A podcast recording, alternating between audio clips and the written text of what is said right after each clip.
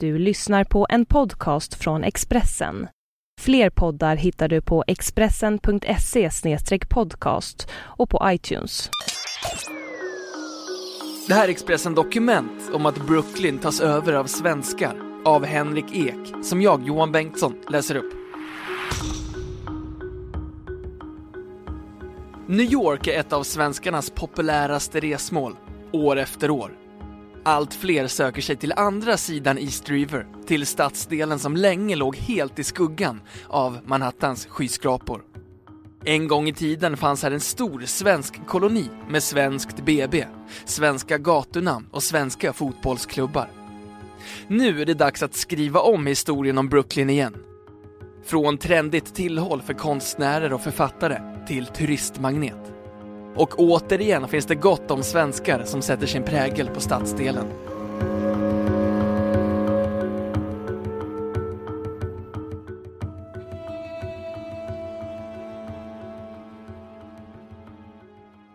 I tv-serien Sex and the City finns en scen där Miranda, efter att hon fött barn, berättar att hon ska flytta till andra sidan East River, till Brooklyn.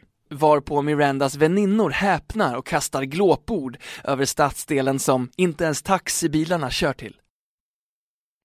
Svenska Emilia Kilström fattade samma beslut för sex år sedan. Jag flyttade hit när jag fick min dotter. Innan dess bodde jag i Soho i tio år. Det var en kulturchock att flytta hit. Det fanns inte så många restauranger och sånt som gjorde att jag älskade New York. Jag vill öppna något eget och göra det i mitt område, berättar Emilia Kilström. Det är måndagskväll i Brooklyn. Svensk-amerikanska handelskammaren har bjudit in till restaurangen Colony, som ägs och drivs av Emilia Kilström. Hon är en av kvällens huvudrollsinnehavare, då lokala svenska entreprenörer ska förklara kärleken mellan Sverige och Brooklyn.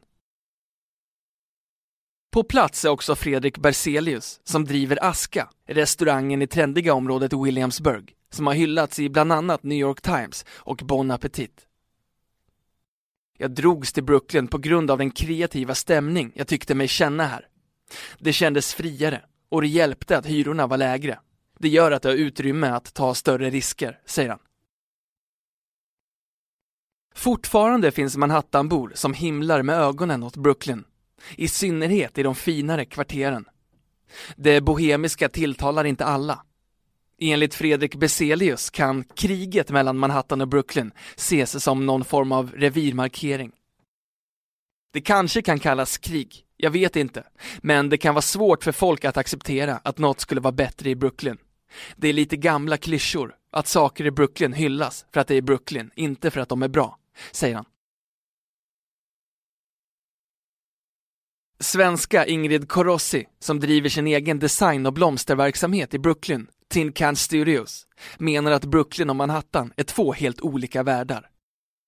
Det är inte så mycket krig, bara helt olika. Jag ser inte längre någon anledning att åka in till stan. Allt jag behöver finns här, säger hon. Emilia Kilström fyller i. Manhattan skrämmer mig lite, ärligt talat. När vi höll på att bygga vår restaurang så tackade våra grannar oss och när vi hade över en timmes väntan på bord sa de kul för er, vi kommer en annan dag istället. På Manhattan är konkurrensen mycket mer brutal, säger hon. Hon beskriver en samhörighet i Brooklyn olik något annat område i New York. Medan vi byggde hade vi en lapp på dörren där det stod att vi snart skulle öppna och att de som var nyfikna kunde gå in på sajten Kickstarter och se en video vi gjort. En restaurang hade aldrig använt Kickstarter för, säger hon om webbportalen som gör det möjligt att samla in pengar till egna projekt, så kallad crowdfunding. Vi samlade in 16 000 dollar, över 100 000 kronor, och 80 procent av människorna som donerade pengar var från området. Det var jättebra marknadsföring. När vi väl öppnade hade vi ett klientell av grannar som kände sig delaktiga i restaurangen. Det var speciellt. Enligt siffror från resebyrån Expedia ökade efterfrågan på resor till Brooklyn, alltså inte New York i stort, med 50% från oktober 2012 till oktober i år. Från Tyskland är ökningen 75% från Kanada är ökningen 84% Trenden Expedia ser genom att titta på den största ökningen av bokningar till Brooklyn är att det framförallt är resenärer från mogna marknader som bokar. Det vill säga marknader där resenärer generellt redan är bekanta med New York, som till exempel resenärer från Storbritannien, Kanada och USA, skriver Expedia i ett uttalande. När jag är hemma i Sverige och säger att jag är från Brooklyn blir alla väldigt intresserade och vill höra mer om alla hipsters, säger Emil Jättne, grundare och delägare i Brooklyn Gin. Han konstaterar att hipsters är något han hör om och ibland blir kallad själv, men inte funderar så mycket över. Du har först originalen, som gör unika grejer. Sen hipstern som fångar upp och kopierar det. En hipster är en följare och därmed det sista en hipster vill bli kallad, säger han. Hans företag gör gin i mindre skala, 300 flaskor åt gången och säljer framförallt i krogar i New York-området. Han beskriver sitt jobb som ett hantverk och det är det typiska för företagare i Brooklyn. Andan av Brooklyn är de traditionella metoderna, fräscha råvaror och lite nytt och kreativt tänk, till skillnad från något masstillverkat och stort. Det är vad vi tycker att det står för, säger Emil Jättne. I Brooklyn bor det två och en halv miljoner människor. Det är inte bara New Yorks största stadsdel. Invånarantalet är nästan lika stort som hela Chicago. Hade Brooklyn varit en egen stad, vilket den för övrigt var fram till 1898, hade den varit USAs fjärde största.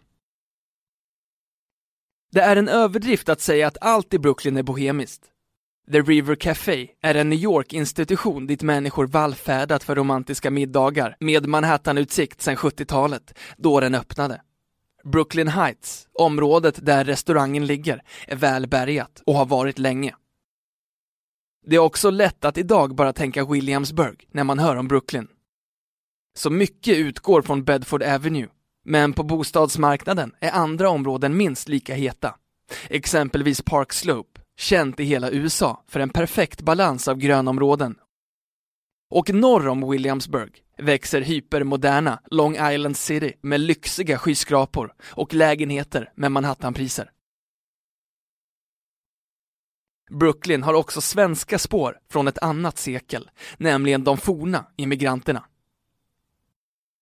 I framförallt Bay Ridge-kvarteren fanns en gång gott om svenska tillhåll, såsom svenska fotbollsklubbar, två svenska kyrkor, ett svenskt sjukhus, ett svenskt BB och ett eget svenskt konsulat.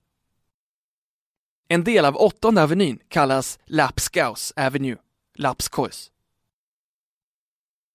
Koncentrationen av svenskar minskade på 50-talet och försvann i princip helt efter att Verrazano Narrows-bron byggdes för att sammanlänka Staten Island med Brooklyn under mitten av 60-talet. Idag kan man bara skymta gamla butiksnamn under de skyltar som tagits över.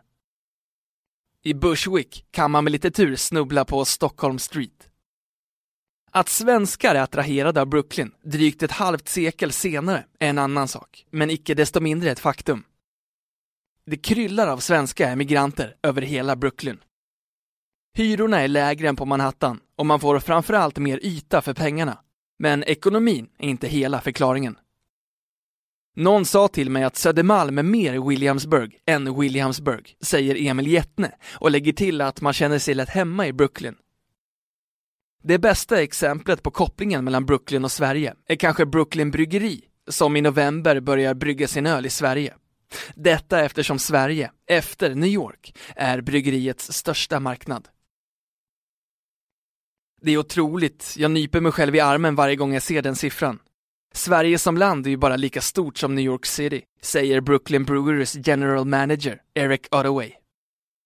Han kallar den lyckade exporten till Sverige för en perfect storm, en rad sammanträffanden av fantastiska proportioner. Svenskar tycker väldigt mycket om amerikansk kultur överlag. Dessutom är New York svenskarnas näst vanligaste resmål, har jag hört. Svenskar är äventyrliga och tycker om nya koncept. Jag tror också att det finns ett designelement inblandat. Vår logga är enkel och tilltalar kanske svenskars känsla för grafisk design. Och förstås, hela Brooklyns framfart, säger han. Bryggeriet kommer en dag ställas inför problemet att området, vars image de hjälpt till att bygga, blivit för dyrt för dem att finnas i Vi har ett långt kontrakt på vår lokal just nu, men när det går ut får vi se, säger Eric Ottaway. Vi kommer alltid att stanna i Brooklyn, men nej, du kommer inte hit för de billiga hyrorna längre, säger han.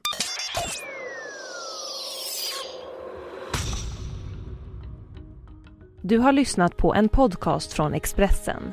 Ansvarig utgivare är Thomas Mattsson.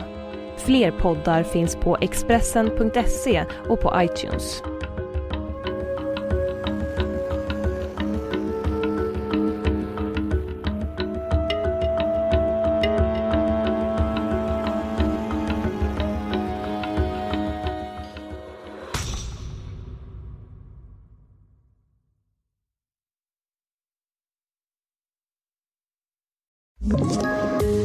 Ett poddtips från Podplay.